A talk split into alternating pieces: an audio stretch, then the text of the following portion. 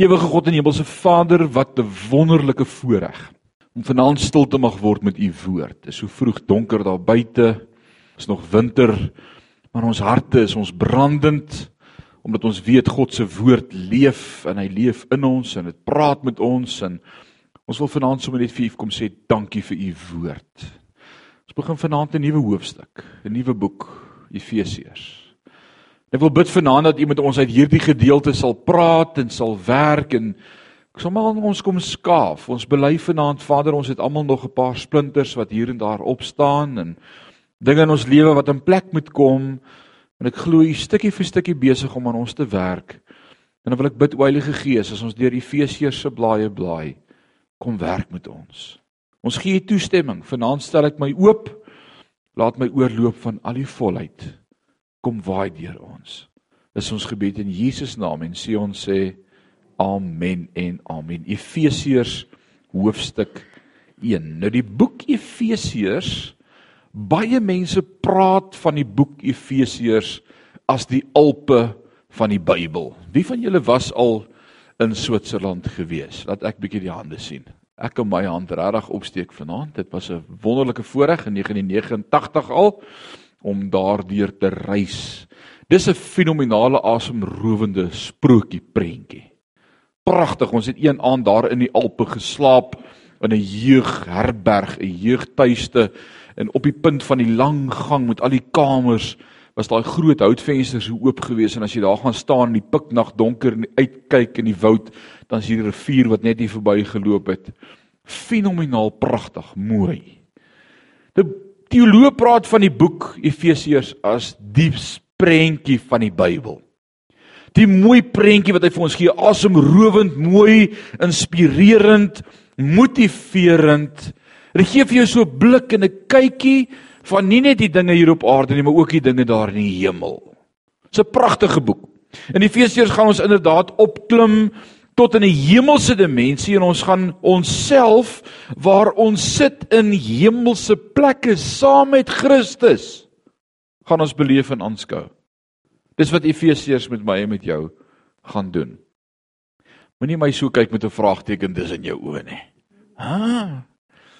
Bly vas, dis wat Efesiërs met my en mee gaan doen. Dis 'n baie praktiese boek dit gaan van wys nie net ons verhouding met God die Vader en wat hy vir ons gedoen het nie, maar ook ons verhouding met Jesus Christus en wat hy vir ons gedoen het en ook die werk wat die Heilige Gees in ons lewe doen. Hierdie is een van daai boeke waar ons al drie van die drie eenheid van God aan werking sien.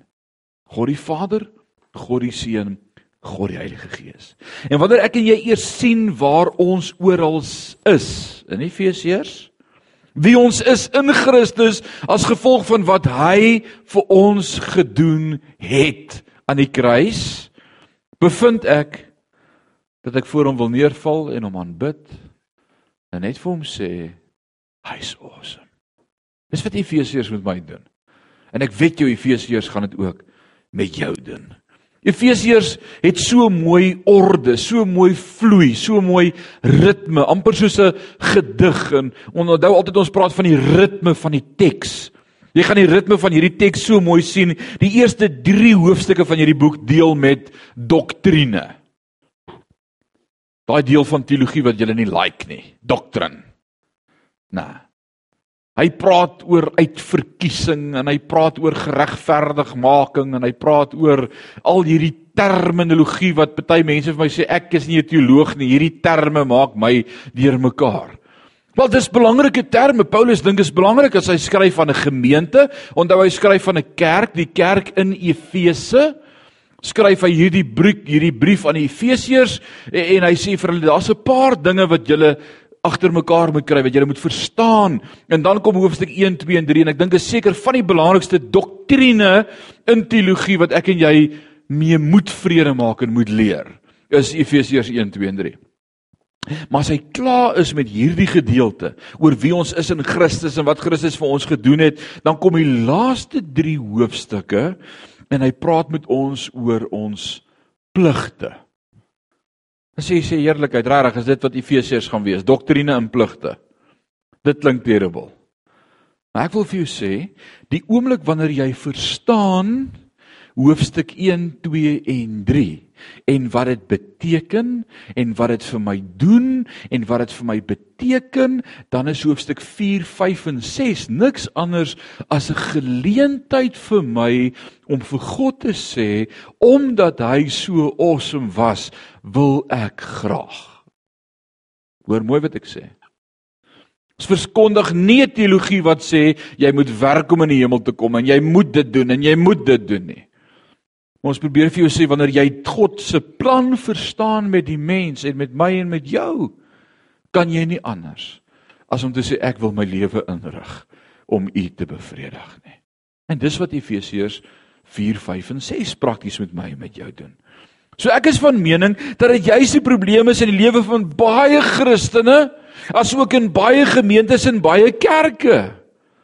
Baie kerke en mense daar buite se fokus is eerder gerig op die werke. Hoe 'n kind van God moet lyk, wat 'n kind van God moet doen. 'n Kind van God ryk nie so sigaret nie en hy ryk nie na alkohol nie en hy maak nie so nie en hy sis in 'n daai en dit en daai. En dan probeer ons vir ons mense 'n prentjie teken van hoe lyk die perfekte Christen en weet jy by the way nie een van ons kom reg nie. Want jy val en jy het issues en jy verloor jou meer en die hond hardloop voor die kat en jou vrou maak jou kwaad en al hierdie goed gebeur in jou lewe en dan dink jy jy's terrible, jy's useless, jy gaan reguit hel toe want jy kan nie lyk soos die prentjie wat die kerk vir jou wys hoe lyk 'n Christen nie. En toe ontdek ek in my eie lewe iets. Wanneer jy God se plan met jou lewe begin verstaan. Wanneer jy verstaan wat God vir jou gedoen het. Wanneer jy verstaan dat dit genade is. Dan verstaan jy dat dit nie werke kan wees nie. Maar daar is sekere goedes van my kant af wat nou volg en sê omdat ek verstaan dat hy so awesome met my werk, wil ek graag. En ek dink dis die dis hoe om dit moet wees. Ek kan nie werke eerste sit. So wanneer ek en jy net inneem en ervaar en aanvaar wat Christus vir my en vir jou gedoen het in hoofstuk 1, 2 en 3 en nou kom Paulus en hy sê goed in hoofstuk 4, 5 en 6 soos vrouens julle moet julle mans onderdanig wees. En nou sit nie meer die issue van ha, hierdie chauvinis dis nuwe wêreldorde ons is gelyk Ek sal nie my aan my man onderwerp nie. Wat sê ons is is dit? Dis Ou Testamenties of of oudmodies. Nie in ons dag nie. Ons is 'n vernuwe generasie. Nee, jy jy, jy verstaan dat na alles wat God vir my en vir jou gedoen het, as hy sê dis wat ek van jou verwag, dan sê jy it's my pleasure. Sure. Ek wil. En as ek verstaan wat die doktrine van hoofstuk 1, 2 en 3 met my doen en hy kom in Efesiërs 6 en hy praat met die kinders en sê kinders, julle moet luister vir julle ouers. Onderwerp julle aan julle ouers. Dan dan sê die kinders nie, "Ag, oh, dis ou modies, my oupa grootjie dit laas gedoen. Ek, ons is 'n nuwe generasie. Ons praat terug en ons het kommunikasie met mekaar nie." Nee, nee, as ek verstaan wat Christus vir my gedoen het, en wie ek was en hoe verlore ek was en dat hy my kom red het en hy sê vir die kinders kinders onderwerp julle aan julle ouers dan sê die kinders o oh yes ons wil dit doen. Jy sien dis wat die boek Efesiërs met baie met jou gaan kom doen. Hy gaan jou mind verander. Is jy reg vir dit? Are you ready? Ek hoop jy antwoord jouself. Die goddelike ontwerp in hoofstuk 1 tot 6 Baie mense probeer hoofstuk 4 tot 6 gebruik as praktiese riglyne vir hulle lewe, want dis wat hoofstuk 4 tot 6 is. Praktiese riglyne. Maar dit sal nooit in plek val totdat jy hoofstuk 1 tot 3 eerste in plek het nie. Jou verhouding, jou posisie. Want hoofstuk 1 tot 3 waarlik 3 awesome hoofstukke in die woord van die Here en baie van ons het in ons huise en persoonlike lewe in die verkeerde rigting geloop. Jy het tradisioneel groot geword. Jy het gedink dis so goed moet wees. Dit moet so werk en ons moet ouens vanaand gaan ons bietjie die ritme volg van die boek Efesiërs en ons gaan begin om in hierdie rigting te loop van wat God vir ons bepaal het hier in die woord, 'n pragtige orde. En dan sê ons hoofstuk 4 tot 6 baie interessant. Ons moet waardig ons verhouding met hom wandel, dis waaroor hoofstuk 1 tot 3 gaan, wandel dan waardig. Dan kom hoofstuk 4 tot 6 en hy sê vir ons staan dan vas. Jy moet eers jou posisie verstaan voordat jy weet waar is jou staanplek. En ons gaan dit hanteer. Alraai, so die orde besit eers in die hemele, dis waar hoofstuk 1 begin.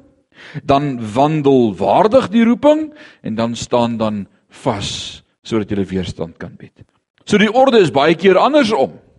Baie keer wil ons vir kinders van die Here vertel as hy nou gered is, nou moet hy begin loop. O, oh, jy moet loop, loop, loop. Jy moet dinge doen. Jy moet besig wees. Uh ouens, dis nie die orde nie. Jy moet eers verstaan jy sit saam met Christus. Jy loop 'n heilige lewe. En jy kan maar net op jou staanplek staan en weerstand bied teen die duiwel. Alraight, hoofstuk 1 vers 1. Paulus 'n apostel van Jesus Christus deur die wil van God. En dan stop ons net eers sommer daar. En ek wil sê, wow. Hoor wat verklaar Paulus? Paulus, hy sê ek is 'n apostel van Jesus Christus. Nee nee, ek wou dit nie wees nie. Dis deur die wil van God. So hier begin ons met die eerste doktrine waarmee ek en jy kennis neem reg aan die begin in die eerste vers van die eerste hoofstuk en dit is God se wil. En dis baie belangrik om erkenning te gee aan God se wil in my en jou lewe. Alraight. Voorberei Paulus. Paulus het geweet hy is geroep deur die wil van God om apostel vir Jesus te wees. Voorberei van kleins af groot geword as die seun van 'n rabbi. Sy pa van kleins af die wet met klein Paulus Saulus gedeel in die huis. Hy het die Bybel geken. Hy het gesit aan die voete van Gamaliel. Wie was Gamaliel? Die rabbi van die dag. Hy het geskrifte geskryf en die volk vertaal en, en vertel wie wie God is, wie Jawe is uit die boek uit. Hy het die skrifte uitgelê. Hy was die rabbi van die dag. Paulus was 'n lid van die Sanhedrin.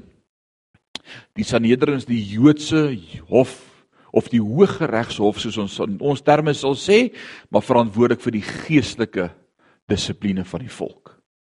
Alraight. En al daardie studeerwerk om lid van die Sanhedrin te kan wees, om die wet onder die knie te kry, om groot te word in die huis van 'n rabbi, om by die voete van Gamaliel te sit, al daardie studeerwerk en energie om te probeer heilig wees en die wet te probeer hou en hy het Christene probeer doodmaak en hy het gestry vir wat hy glo reg is. En toe wat gebeur? En toe ewe skielik toe ontmoet hy Christus en hy word diensbaar gestel en hy verstaan genade. Hy het geweet van die wet en van wettisisme, maar alles het hom voorberei vir God se genade. Is dit nie awesome nie? So iets wat ek van die begin af vir jou wil sê vanaand, is ek wil hê jy moet sien dat Paulus se hele lewe en alles wat met hom gebeur het, op die einde van die dag deel gevorm het van God se plan vir sy lewe. So nou wat skryf hy vir hulle? Hy sê Paulus, 'n apostel van Jesus Christus deur die wil van God. Wat sien ek as ek na hierdie vers kyk sover? Ek sien dat elke kind van God sy eie naam daar moet kan inskryf. Hoor jy wat ek sê? Johan 'n geroepene van Jesus Christus deur die wil van God. Danja 'n onderwyseres by die laerskool van Jesus Christus deur die wil van God. Andrei 'n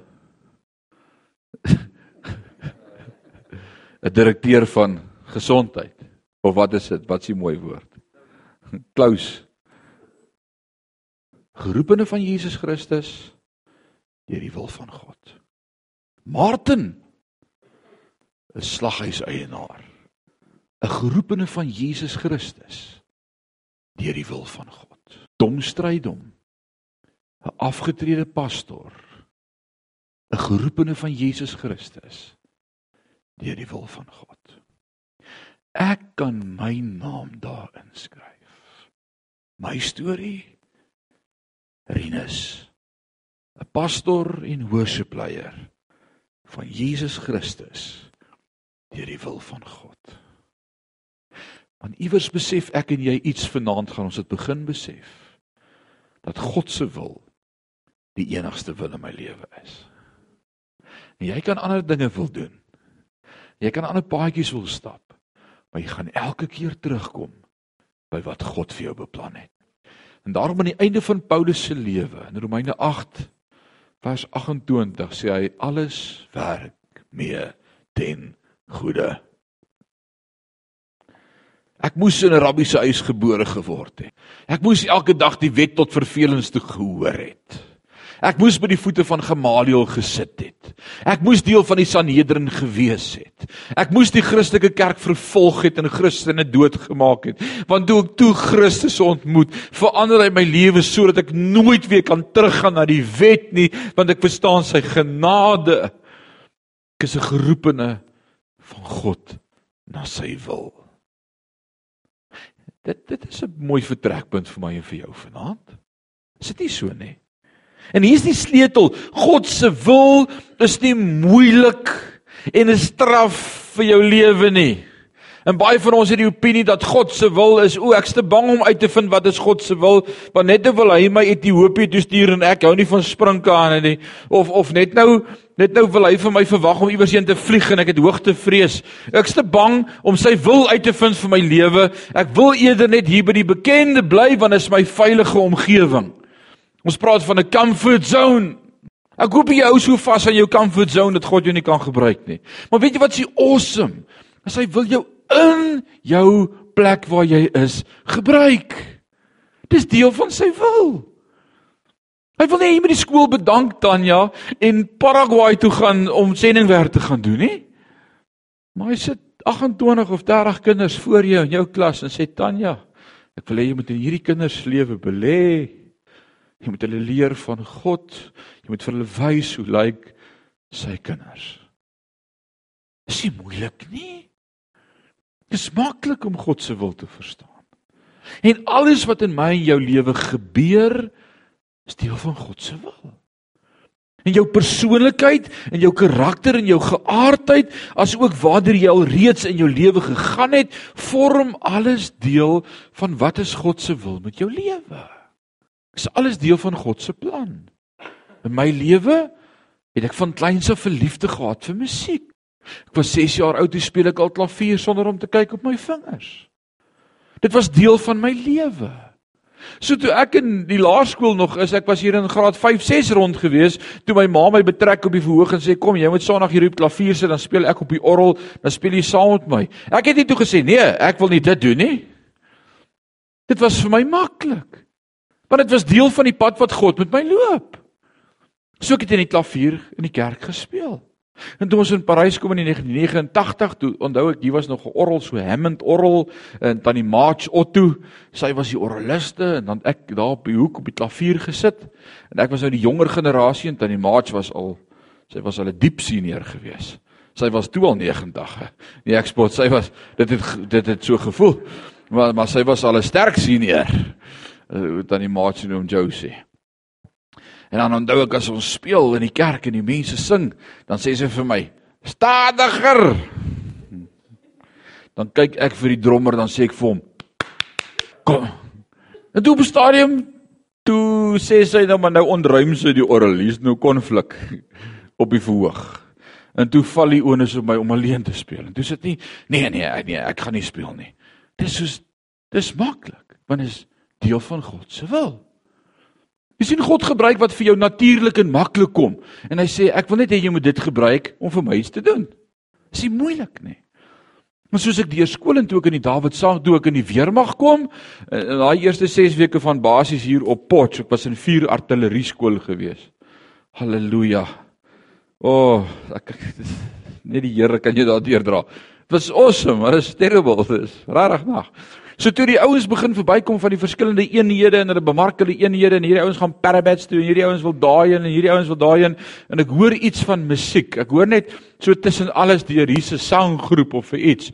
Toe weet ek net dis mos nou dis waar ek moet wees. Dis mos nou Rinus daai. En ek storm daarin by die verkeerde tent waar die verkeerde manne besig is met operasie maak jou moeg en ek storm net so vinnig weer uit. Ek sê nee, hier word nie gesing nie. Dis nie vir my nie. En soos ek ook die tent tot ek hoor daar's musiek en daar's 'n gesing en ek storm daarin en hier's 'n klomp manne voor my wat wil gaan sing. Toe ek daar aanstap, toe ek hierdie groot vrede in my hart dis vir my. En hulle vat net 6 sangers uit die hele opname van daai jaar. Die band bestaan net uit 6 sangers uit. Een klankman en een operasionele bestuurder. Ons is 8 in die groep. Is nie soos die parabats waar daar 300 is wat spring nie. Is net 8. Toe ek daar instap, toe ek en die Here eers gou so gesprek hier agter in die tent. En ek sê vir die Here, gaan ons die ding doen of gaan ons nie? En die Here sê, "Hoe lank berei ek jou al voor vir die ding?" Ek sê nee, ek dink lank genoeg. Soos Oké, okay, nou verstaan ek hoekom ek weer mag toe gekom het. So ek stap tot voor en hulle sê vir my, "Wat soek jy hier?" Ek sê ek wil net vir julle sê wie ek is want ek is deel van die groep. Wat is wat bedoel jy deel van die groep? Ek sê nee, ek en die Here het dit klaar uitgemaak. Julle moet dit nog net weet. Hulle sê kyk maar, dan moet jy sing, sing en ek sing. En hulle sê nee, oké, okay, jy moet volgende week in Pretoria wees. En toe is ek Pretoria toe. En so val goedheid in plek. Jy sien, dis wat gebeur wanneer jy God se plan vir jou lewe ontdek. Jy hoef niks te doen nie. God doen alles. En as Paulus hier skryf en hy sê van homself, ek is 'n apostel, 'n geroepene van God, van Christus, na mate die wil van God, dan verstaan hy iets wat ek en jy dalk nog moet leer vanaand. Jy moet net oorgee Dis is nie my plan nie, dis nie my lewe nie. Dis u plan vir my lewe. Wat's next? Waar wil u my gebruik? Wat wil u deur my doen? Hoe nou, Here? Ek is nou hier wat u vir my die deure oopgemaak het. Nou wat gaan ons nou doen? En dis die gesindheid om te hê. En dit was Paulus se hart. Hy sit nie in die tronk en top nie. Hy sê nie hier skryf ek nou 'n stronkfolie uit Rome uit en ek weet nou nie lekker ek het die Here so vertrou vir 'n magtige bediening en nou sit ek in gevangenskap bid maar vir my nie. Hy het nie gebedsversoek wat hy uitstuur vir al die gemeentes nie. Hy het nie 'n pity party verkry my jammer vir waar ek is nie. Hy sê ouens, ek is op die regte plek. Ek is 'n geroepene van Jesus Christus na mate die wil van God. Paulus maar jy sit in die tronk. Hallo? Maak nie saak. Ek het al die tyd in die wêreld om briewe te skryf. En die koning se wagte pos nog my briewe ook. En ek het elke 3 ure vars wagte wat by my vasgebind word en ek vertel vir almal van Christus. En Paulus het in daai 2 jaar in Rome in die gevangenis meer siele vir die Here gewen as baie ander ouens. Want hy het die hele tyd evangelisasie gedoen. Hy het ons na die Here toe gelei. Dis om jou plek te verstaan in koninkryk. Alraight. Wat sê Matteus 28 vers 19? Kom aan, dis ons missie. Gaan dan heen en maak disippels van alle nasies en doop hulle en leer hulle om alles te onderhou wat ek julle geleer het. Maar nou ek moet nou al vir jou vertel wat staan in die oorspronklike teks in Matteus 28 vers 19. Waar staan nie gaan dan heen nie? Wat staan in die oorspronklike teks? Soos jy gaan, daar waar jy is, as jy skool toe gaan, of jy werk toe gaan, of jy gym toe gaan, of jy huis toe gaan, of jy gras sny en die buurman oor die muur met jou begin praat, daar waar jy gaan, maak disippels. Is dit nie die regte gesindheid nie? Net waar jy is. Jy hoef nie alles op te pak en te sê goed, ek gaan nou sendingling word in Ethiopië, nê? Nee nee, God verwag dit nie van jou nie. As God jou roep vir dit, great, dan weet jy God roep my vir dit. Dan gaan hy vir die deure oopmaak vir dit. Elkeen van ons het 'n rol om te speel in die koninkryk. Kan jy sê amen? Elkeen het 'n rol om te speel. Elkeen van ons het 'n plek in God se plan. En alles wat met my en met jou gebeur langs die pad is deel van wat God se plan was vir my lewe. Dis alles 'n leerskool, dis voorbereiding. Dis alles deel van God se plan. Die Dawid sanggroep het my nie gevra om te kom sing toe ek 6 jaar oud was, nê? Nee. nee. Ek moes eers 12 jaar se ander pad stap. Ek moes eers leer. Ek moes eers aan die klavier sit en verkeerd speel en toe naderhand hier sit en toe naderhand alleen sit. Dit was alles deel van God se planne gewees. En so sal God se plan vir jou in plek val in jou lewe, wees net getrou met wat jy nou doen. That's it. Doen wat jy nou moet doen nou. So Efesiërs 1:1 sê Paulus, 'n apostel van Jesus Christus deur die wil van God. Ek wil sê so dit is hoekom dit belangrik is om jou roeping te ken. Ek hoop jy ken jou roeping. Ek hoop jy twyfel nog in wat jou roeping is. As jy twyfel in wat jou roeping is, kom praat met my. Kom maak maak maak moeite daardeur. Nie deur myself nie, nie deur wie ek ken nie, nie deur wie vir my deure oopgemaak het nie, nie deur uh, wat ek alles nee, deur God. Sê saam met my deur God. Wie maak vir jou deure oop en toe? Wie het vir jou die werksgeleenthede gegee wat jou pad langs kom? God. Alles kom van God af. Jy dink as jy Ek wil vanaand vir jou sê dit was nie jy nie en dis die eerste doktrine wat ek en jy moet besef, daar's 'n wil van God. En alles gebeur volgens sy wil. Nou wat skryf hy? Aan wie skryf hy? Hy skryf aan die heiliges wat in Efese is en die gelowiges in Christus Jesus. As ek vanaand sê hy skryf aan die heiliges, dan wil ek vanaand sê hy skryf vir elkeen van ons. Mm. Ja, jou vrou ook, sy is heilig. ja, elkeen van ons. Ek weet ons dink nie aan onsself as heilig nie. Is dit nie so nie? As ek vir jou sou vra, Manie, wat dink jy, is jy heilig? Nee, nee, ek gaan nie jou vrou vra nie, ek wil vir jou vra. Wat sal jy sê? Nee, ek weet daarom nie of ek heilig is nie. Atie is jy heilig? Werke. Bzz. Pieter is jy heilig? Hoe kom probeer ons dinge? Jy sien, ek verstaan nie Efesiërs 1:2 en 3 nie. Want heilig gaan nie oor wat ek doen nie, maar oor wat hy vir my gedoen het. En as hy na my kyk, sien hy die bloed van sy seun Jesus Christus en hy sien ek is gewas deur die bloed en hy sien ek is geregverdig en ek is gewas deur die bloed van die lam en ek behoort aan hom en hy sê van my, jy's heilig. Die probleem is ek glo dit nie. Want ek kyk in die spieël en ek sien die ou en ek weet wat doen hierdie ou. Maar ek dink dis nie dieselfde ou wat die woord van praat nie. En dis die probleem. En dis wat Efesiërs met my en met jou gaan doen. Dit gaan vir jou 'n ander persepsie gee, 'n perspektief gee van hoe God jou sien en wat God van jou sê. Hy dink aan jou as heilig. En dan die groet. Wat sê hy in die groet vers 2? Genade vir julle en vrede van God, ons Vader en die Here Jesus Christus. En ek wil sê dis amper elke keer as Paulus se gemeente groet dieselfde. Elke keer amper dieselfde. Genade vir julle en vrede van God. Genade van julle en vrede van God. Genade en vrede. En elke keer is dit eers genade en dan vrede. Hoekom dink julle is dit belangrik om dit te verstaan? As jy nie God se genade verstaan vir jou lewe nie, sal jy nooit sy vrede beleef nie. Want solank as wat dit werke is en 'n wet is en en hard probeer en ek probeer maar en en en ek werk hard daaraan is, gaan ek nooit vrede hê met God nie. Want ek is nooit op daai plek waar ek verstaan hy het dit klaar gedoen nie. It's done. Wat het Jesus uitgeroep aan die kruis? Tetelestai, wat wat beteken? It's finished, it's done, it's volbring, it's klaar. Maar ek voel nie so oor myself nie. Ek dink nie so oor myself nie. Hmm. Ons los dit daar. Ek wil sê wanneer dit eers insink.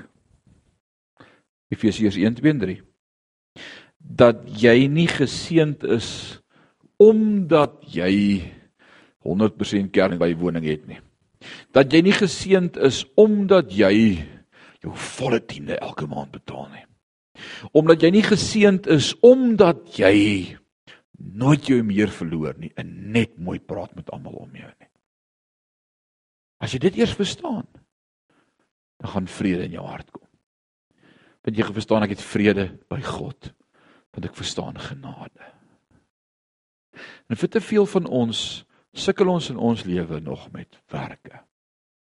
Ek draai wanneer iemand met jou praat oor die dinge dan sê jy ek probeer hard daaraan werk. Wie van julle het dit hierdie week gesê? Kom aan, wees eerlik. Ons werk daaraan. Ja. Ons sê dit gereeld vir mekaar.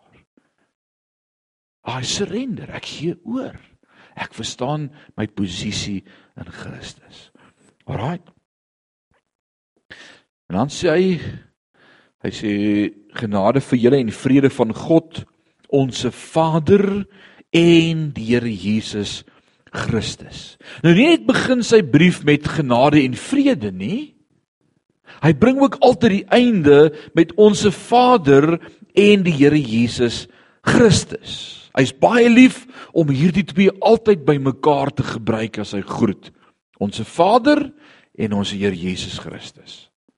Nou wonder ek dan nou, ou Paulus, waar is die Heilige Gees?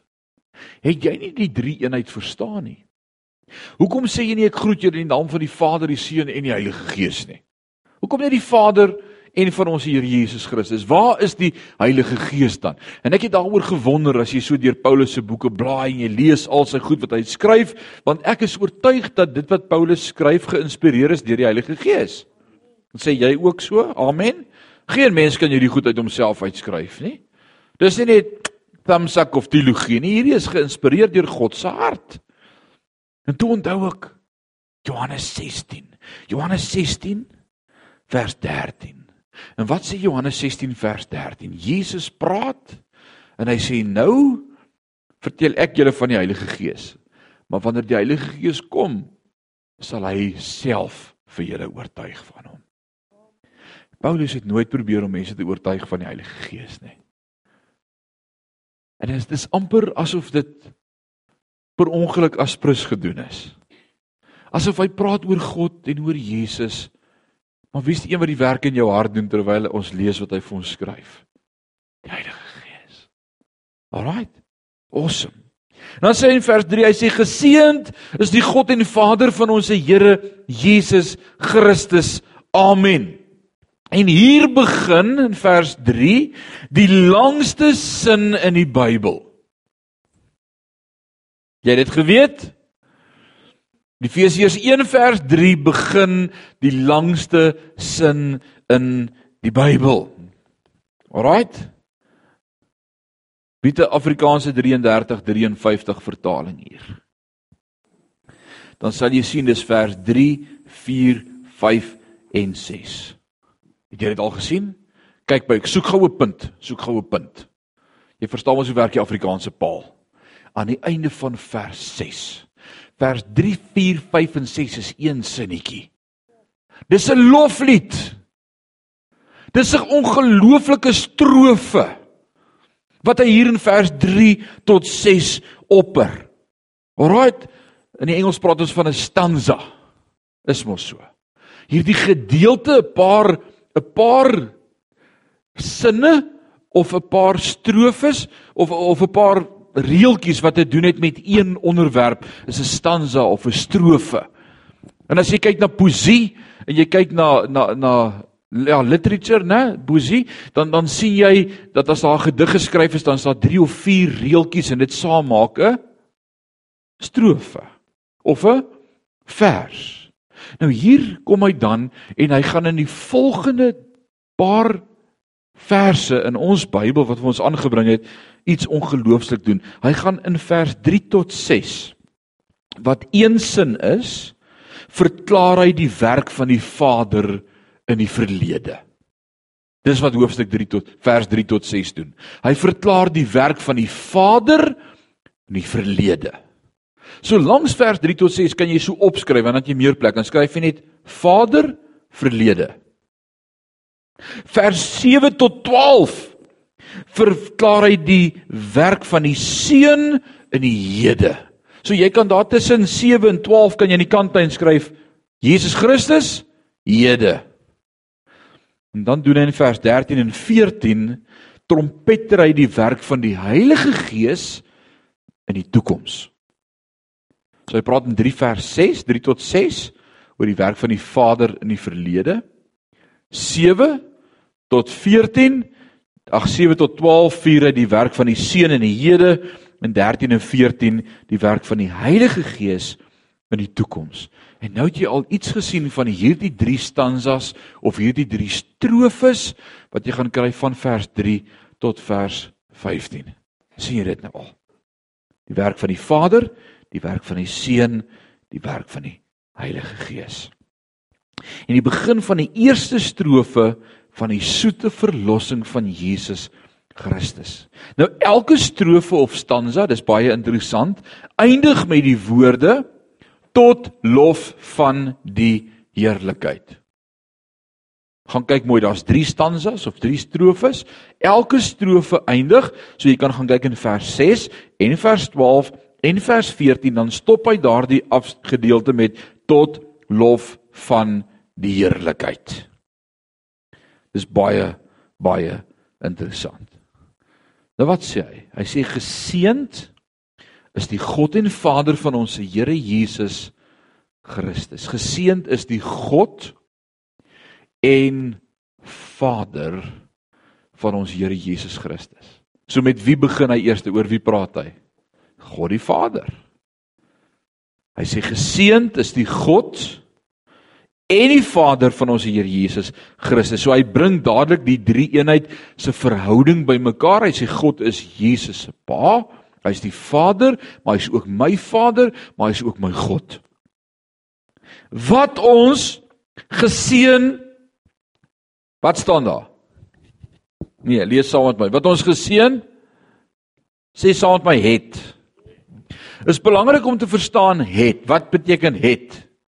Is dit present tense of future tense? Past tense. Baie eerlikheid.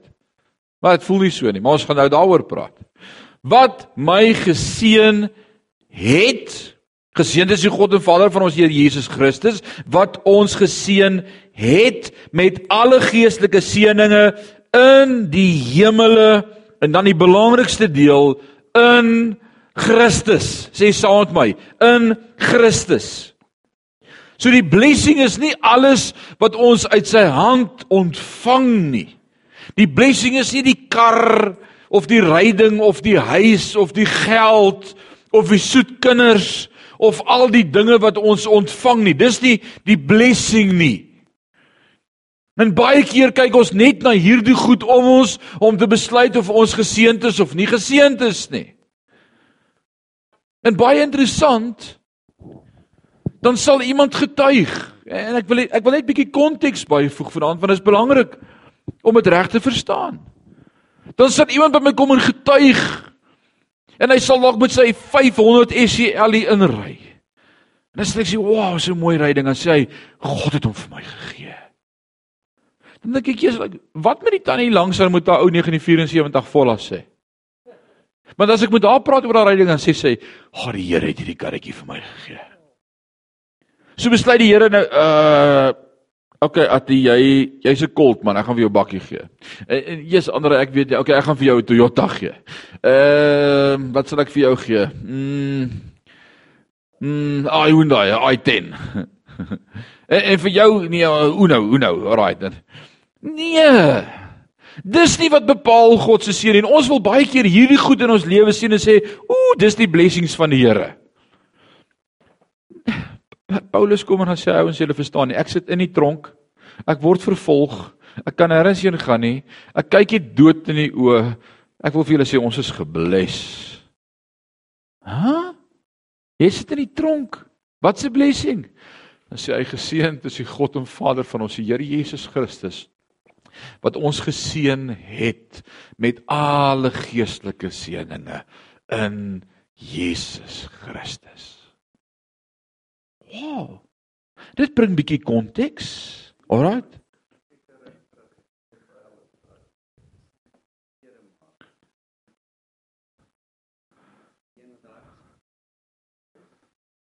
Matteus 4, saligsprekinge.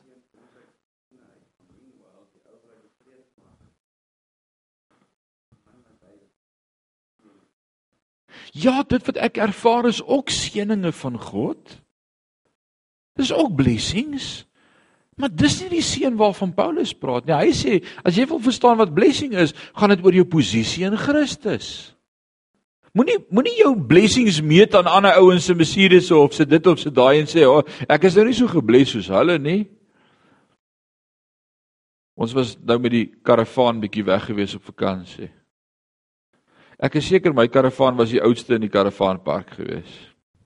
Met my 1981 Jurgens Fleetline 4. En ek het hom ge-upgrade deur laas jaar, pappa. Ek het vir hom checker plate oral gepop wat hy blink van aan die kante af. Alles wat dof en val was is gechecker plate. Ons kom nader en kyk wat blink hierdie ding so. Dis net aluminium. Nee, is my is my Jurgens hierdie. Weet jy wat? Ek kan daar sit en kyk net na daai wolk wat daar verbyry of ek kyk na daai dubbel wiel nuwe dit of ek kyk na die nuwe Penta wat daar inry dan dink ek, ja, daai ou is gebles. Maar as ek dit sou doen, sou ek mis kyk van wat God alles in my lewe doen. Ek kan nie daar rondstap en sê, "Jesus, hierdie ou is daarom gebles nie. Het daai karavaan gesien." Weet jy, hy moet daai paaiement betaal. Myne is cash. Is dit regtig 'n blessing? So wat Paulus hier probeer doen is hy probeer jou kop so bietjie smokkel en vir jou sê moenie met jou oë na materiële dinge kyk en besluit dis blessings nie. Jy kan nie blessings meet nie. Blessings kom van God af en blessings is in Jesus Christus. Dis jou blessing. Nou ek wil gou vir jou vra is is is hy dan nou is Ronnie meer gebless as ek dan nou vanaand in Jesus Christus? As Jesus Christus die blessing is, ons is equally blessed. Haha, jy is my nie voor nie. Alraai, ons is ewig gebless. Presies dieselfde. En Pieter dink jy jy's minder gebless as ek? Hy het jou net soveel gebless soos ek. So wat probeer hy doen? Hy sê vir jou kry 'n ander manier van dink. Dink net bietjie anderster. Wat het hy in Romeine 12 vers 2 gedoen? Word nie gelykvormig aan hierdie wêreld nie, maar word vernuwe deur julle denke, dink anders. Asseblief dink net anders. Moenie rondkyk en sê, "O, ek weet nie wat doen ek verkeerd nie want eh, eh, ek het nie wat daai ou het nie." Nee. En dan bring hy vir ons en hy sê, "Wat is die blessing? Wat sê 2 Korintiërs 1 vir ons?" Hy sê, "In hom is alles ja en amen." Wie's die blessing? Jesus Christus. En het jy meer van Jesus Christus as ek, Johan? Nee, ons het almal eweveel. Om Tom het jy meer as Nee, ons het almal eweveel. Iemand moet skree haleluja. Het jy dit? Ons is almal ewig gebles. Alraait. Dan sê jy vanaand maar ek ek ek, ek soek lewe. Jesus sê ek is die lewe. Vanaand sê jy ek het ek het geestelik dors dan dan sê Jesus kom na my toe almal wat dors het. Ek gee ek gee om te drink. Nee, jy sal nooit weer dors kry nie. As jy vanaand sê ek is oh, ek is so moeg. Dan sê Jesus almal wat moeg en oorlaai is kom na my toe. Ek gee rus. Vanaand sê jy ek is siek. Jesus sê ek is die geneesheer, kom na my toe. Van vanaand sê jy ek soek rigting, ek is so deurmekaar, ek weet nie wat ek kan doen nie. Jesus sê ek gee rigting. Vanaand is alles wat ek en jy ooit sal nodig kry in Jesus. Dis in hom. Ons kan dit net by hom gaan kry en dis die blessing daarvan. Ons is in Christus. Laat my dink aan Johannes 15 waar Jesus vir hulle sê, hy sê ek is die wynstok en julle is die lote. As julle in my bly en ek in julle bly, sal julle vrug dra. Ja, you have to be rooted in in the vine. Jesus Christ is the vine. If I abide in him and he abides in me, there will be fruit. Ek moet in hom wees en hy in my wees.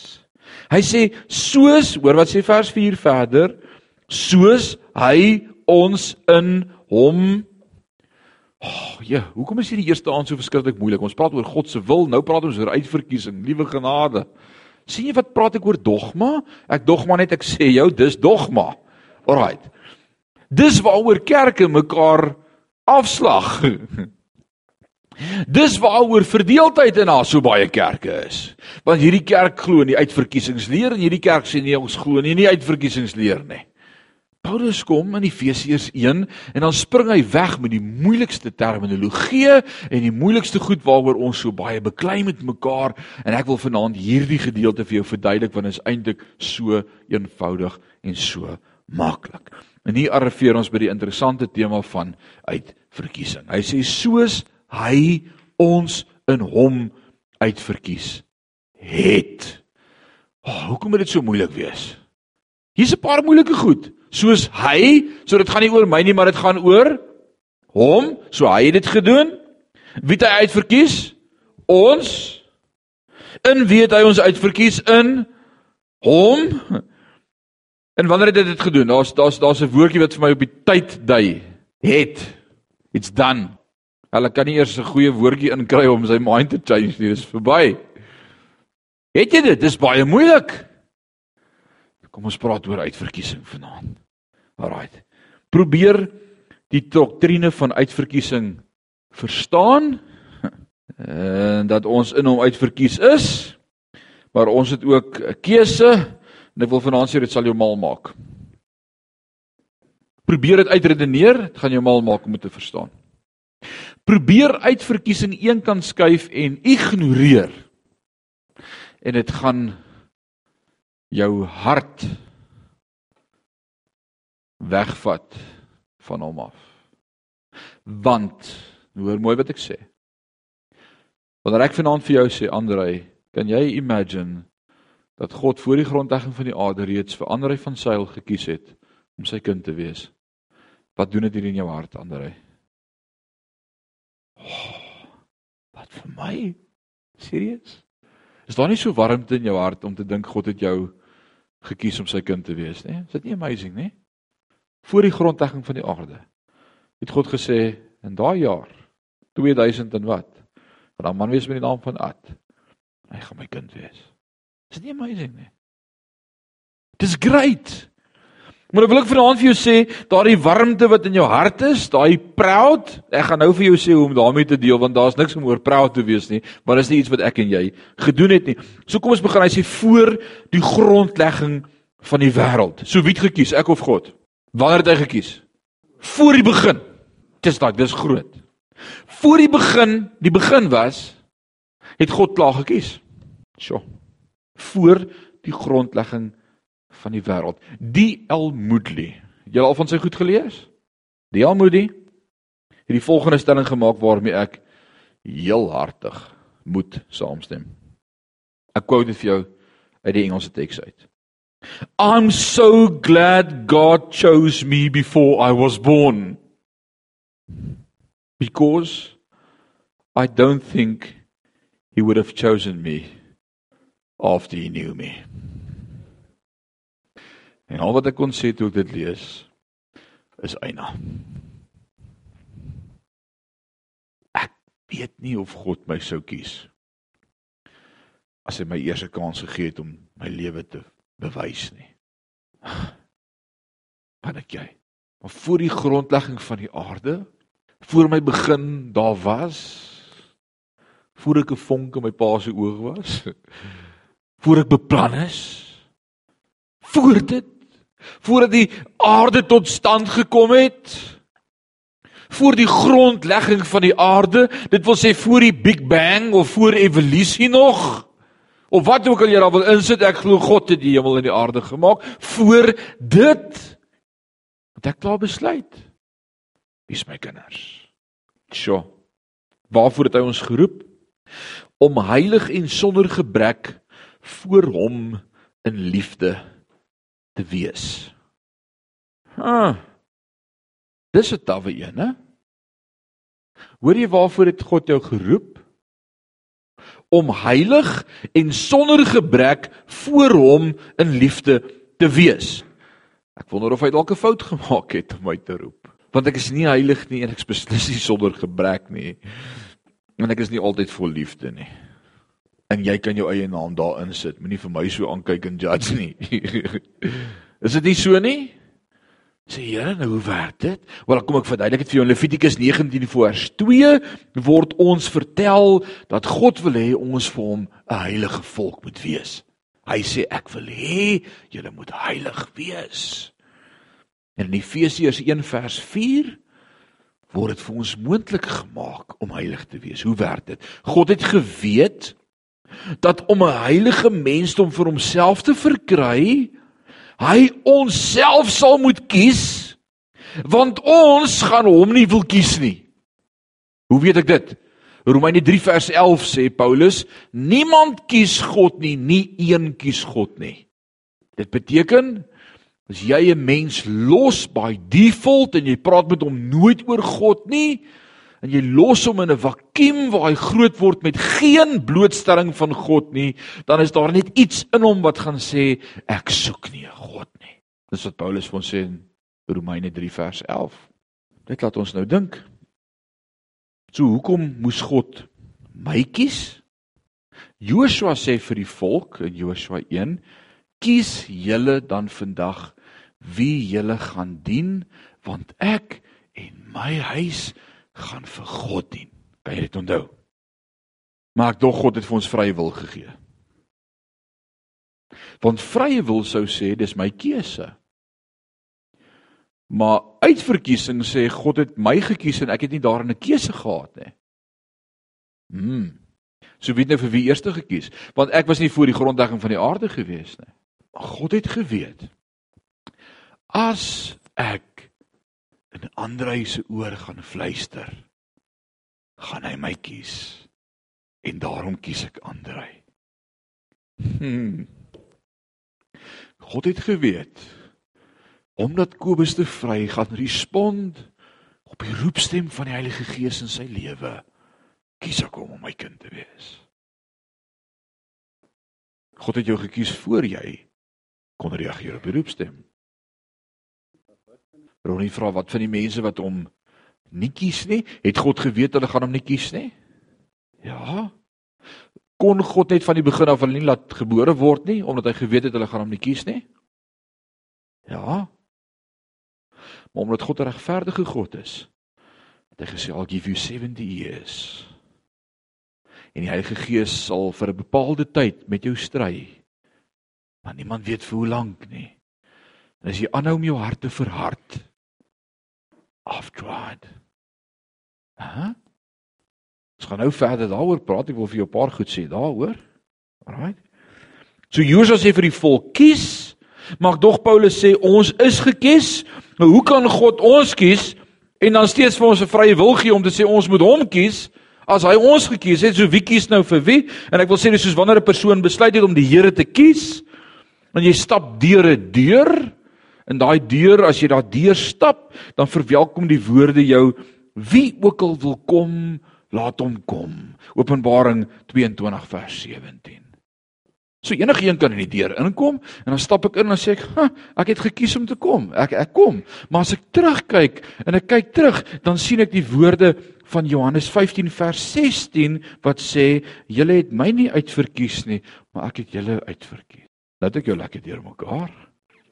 Jy sien jy dink jy het respond deur te kies. Jy dink jy het gesê ja nee, ek kies, hier gaan ek. Maar as ek terugkyk, moet ek ek het nie gekies nie. Maar ek het my gekies. Onthou jy die dag wat jy jou hart en lewe vir die Here gegee het? Onthou jy dit? Jy dink jy het gekies. As ek terugdink aan daai aand en ek het daar gesit waar jy omtrent sit my oom. Net daar. Die kerk was gepak vol, vol, vol. Wat was na my Dawid se aangroep jaar. Toe klaas met die army toe raak dinge lekker rof. En ek kry 'n werk op die myn. En ek begin rooi wyn ontdek. En sigare en jazz en blues. Nou man, dit gaan net lekker. En ek kry geld en ek bly in 'n huis en ek werk op Durban Roodepoort diep goudmyn. In die stad. Dis weg van die platteland of en jy kom in die stad. En ek het heeltemal die pad byster geraak. Ek kom 'n naweek Parys toe om vir my familie te kom kuier, nê, by die huis. En die aand, dis hier 'n spesiale prediker wat hier kom preek. En ek sit daar tussen die banke, ek is niks. Ek sien nie by verhoog nie en ek speel nie met klavier nie en was maande laas in 'n kerk gewees en moeg vir alles. Daar was sanggroep gesing, CD gemaak, klaar, I've been there, done it. Sit agter. Low profile. Want daai aand toe doen die pastoor die snaakste ding wat ek in my lewe nie sal verstaan nie. Maar iets gebeur daai aand. Hy sê op pad hiernatoe die Here op sy hart gelê om 'n typie te speel. Dit is nog in die dae van die tapes ouens. Party net vir jou kind by die huis wat se tape. Maar dit was tapes. Alraight. Dis amper so series maar is glad nie dieselfde nie. Alraight. En hy wil net die typie speel en hy gee die typie vir die klankman daar agter. En die musiekbandjie begin speel. En die volgende song begin speel. Die die die song se naam is You Ain't Heavy You My Brother. En hy begin met die woorde The road is long. En daai het daai twee olifantjies wat so loop en dan die een en die ander een se stert en so loop net. Jy moet daai advertensie. En ek sit daar so hard soos 'n klip, so ver van die Here af. En al wat hy doen, hy preek nie as die ander, hy sê die Here het nou vir hom gesê hy moet die die typie kom speel. Nou sit ons almal en luister nou vir die typie. Nou ken jy het hom godsdienstige mense bymekaar broer. Kyk, dis 'n Pinksterkerk hierdie. Dis in die vroeë 90's. Niemand sê niks nie. Dis stoere boere, almal het nog dasse aan. En hier speel hy 'n typie wat nie eers 'n Christelike sang is nie. Net sodat die Here my ore kan oopmaak. En vir my sê my boodskap daai aand was. Maak nie saak wat jy al gedoen het nie. Ek is daar. En ek hoor sy stem. Ek hoor nie die sanger nie, ek hoor nie die musiek nie, ek hoor nie 'n preek nie. Ek hoor nie die ou langs my nie ek hoor God se stem en ek respond. Ek onthou ek staan op en ek kom kniel hier voor. En ek huil my hart uit. Ek het gehoor. Nou kan ek vanaand vir jou sê ek het daai aan my hart vir die Here gegee. Nooit voor die grondlegging van die aarde. Hy my gekies. Hy het gesê ek gaan jou roep en jy gaan jou ore oopmaak. As ek vanaand daaraan dink, dan kan ek nie roem en sê, "O, oh, ek is so bly ek het my hart vir die Here gegee nie. Ek is daarom 'n Christen." Jy weet, hoekom gee ander mense nie harte vir die Here nie? It's humbling om te dink dat hy my wou roep. Hoekom my? Ek is nie special nie. Ek het hom gedrop. Ek het teruggeval. Ek het hom vergeet toe ek in die stad kom. Ek het my ding gedoen. Ek het my rug op hom gedraai. Noem dit verloon as jy wil. Ek verstaan waartoe Petrus gegaan het toe hy Jesus sien en hy hoor die hoender kraai en hy dink nee, ek gaan net stil bly. En dan dink ek vanaand ek het nie my hart vir die Here gegee nie. Hy het my kom haal. Dit dis humbling. Dis genade. Alles genade. So ek wil vanaand vir jou sê as ek as ek Efesiërs 1 deurwerk dan besef ek een ding. Dis alles genade dat jy hier sit vanaand aan 'n lyn dat jy God se stem gehoor het, maar dat hy al die van die begin af gekies het, sy gaan my kind wees.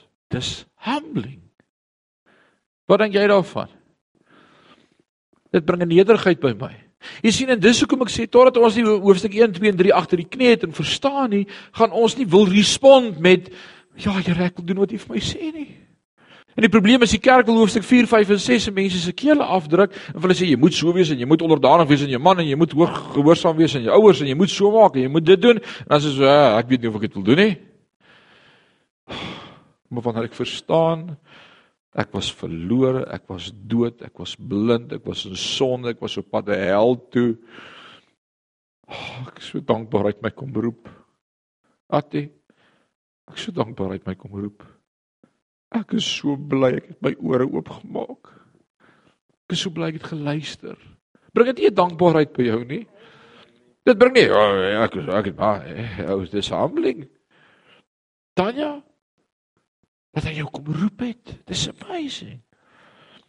Hy sê daardeur deurdat hy ons voorbeskik het vers Daar is 'n voorbeskikking rakende verlossing. Dit is vir my die pragtigste en ek gaan hiermee klaarmaak vanaand. As hy sê hy het ons voorbeskik. Die enigste voorbeskikking wat ek in die woord van die Here opgeteken vind, is dat God jou voorbeskik het vir die ewige lewe en vir die hemel. Ek sien nêrens in die Bybel dat God jou voorbeskik het vir die hel en om verdoem te raak nie. Nie een voorbeeld nie. Nou wil ek jou nog verder skok want ek kan. Hier kom dit. Openbaring 3 vers 5.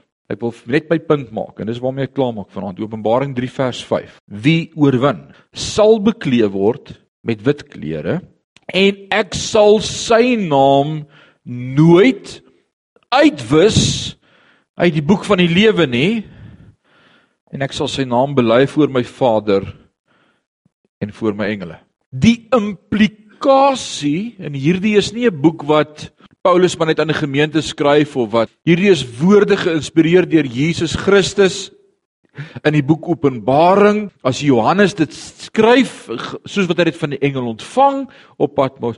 En wat sê hy? En die implikasie is dit het verrykende gevolge want dit gaan jou vanaand wakker hou. Hier kom dit. Dat alle mense op aarde se name in die boek van die lewe opgeteken is. Alle mense. Hoor mooi. Wie oorwin sal bekleed word met wit klere en ek sal sy naam nie uit die boek uit uitvee nie. Wat ek wil sê is as jy nie Jesus aanneem nie, verloor jy jou posisie. Want wat is die wil van God? Kom ons sê vir mekaar, wat sê Jesus? Wat is die wil van God? Dat alle mense gered sal word en niemand verlore sal gaan nie. So wat is die implikasie van hierdie teks in Openbaring 3? Dat as jy nie die keuse maak vir Christus nie, dat as jy nie jou hart en lewe vir hom wil gee nie, as jy nie wil hoor nie, as jy nie wil respond nie, val jy nou met die boek uit. So, is groot, hè? Hoor jy dit? Romeine 8 vers 29 sê want die wat hom van tevore geken het, die het hy ook van tevore verordineer om gelykvormig te wees aan die beeld van sy seun sodat hy die eersgeborene kan wees onder baie broeders. So voor die wêreld bestaan het, het hy jou reeds geroep. Het God reeds geweet wie sal sy liefde op reageer en God het geweet ek weet dat Ronnie gaan reageer. Ek roep hom. Is dit nie amazing nie? Dit maak my so opgewonde vanaand. Om net te besef is so groot. Niemand kom na my toe. Dis presies dieselfde. Sê Here, maar ek het in my hart vir u gegee. Nee, die Vader het jou getrek. As ons vir mense bid wat nog nie hulle harte vir die Here gegee het nie, hoe bid ons vir hulle? Here, trek hulle asseblief nader. Trek hulle. Trek hulle. En hoe weet ek as iemand voor my kom sit dat die Here sy siel wil red of dat hy hom geroep het voor die grondlegging van die aarde? O, oh, dis lekker om iemand na die Here toe te lei. Dis awesome. As ek vir hom iets sê soos hoekom is jy hier? Dan sê hy, "O, oh, ek moet seker my saak met die Here uitsort." Dan wil ek al flip-flap gooi. Ek het nie die lyf vir dit nie. Ek kan nie meer nie. Maar ek wil al waar wiele doen. Maar ek se doodstil en ek Ja, Hoekom? Want wat ek sien voor my is 'n ou wat deur die Heilige Gees gedryf word. Wat beteken dit vir my? God het hom gekies. Ek moet hom net help om daarby uit te kom. Ek kan nie wag om hom te help nie, maar ek gaan nie vir hom sê hy is so gelukkig nie. Hy moet eers verstaan, hy moet repent, hy moet sy hart vir die Here gee. Hy moet sy lewe reg kry.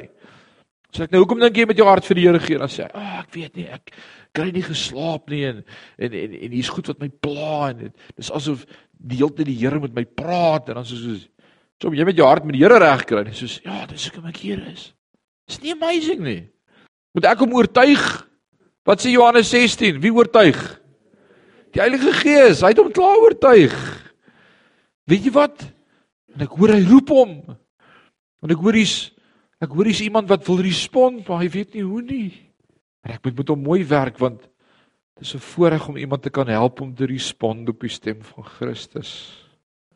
So special. Dan help ek hom. Sê kom bid agter my aan. Gee jou hart en lewe vir Christus. Maak jou hartsteure wyd oop. Word God se kind. Verstaan jou posisie in Christus. Jy hoef nie te werk of te draai nie. God het jou nie geroep of jy het nie jou hart vir die Here gegee omdat jy oulik is nie. Dis alles hy. Sien sien jy hoeveel goed in plek. Jy beskielik kry jy hart vir mense wat nog nie kinders van die Here is nie. Dis God se mense. Sy saak. Sy kerk. Ek hoop feesjare begin met jou doen wat hy met my doen. Dis amazing. Ek dink ons sal volgende week aangaan waar ons vanaand gestop het. Kom ons staan. Dan bid ons saam. Terwyl almal se oë gesluit is en niemand rond kyk nie. En ek so bewus is dat God vanaand reeds net uit hierdie paar versies uit met ons gepraat het.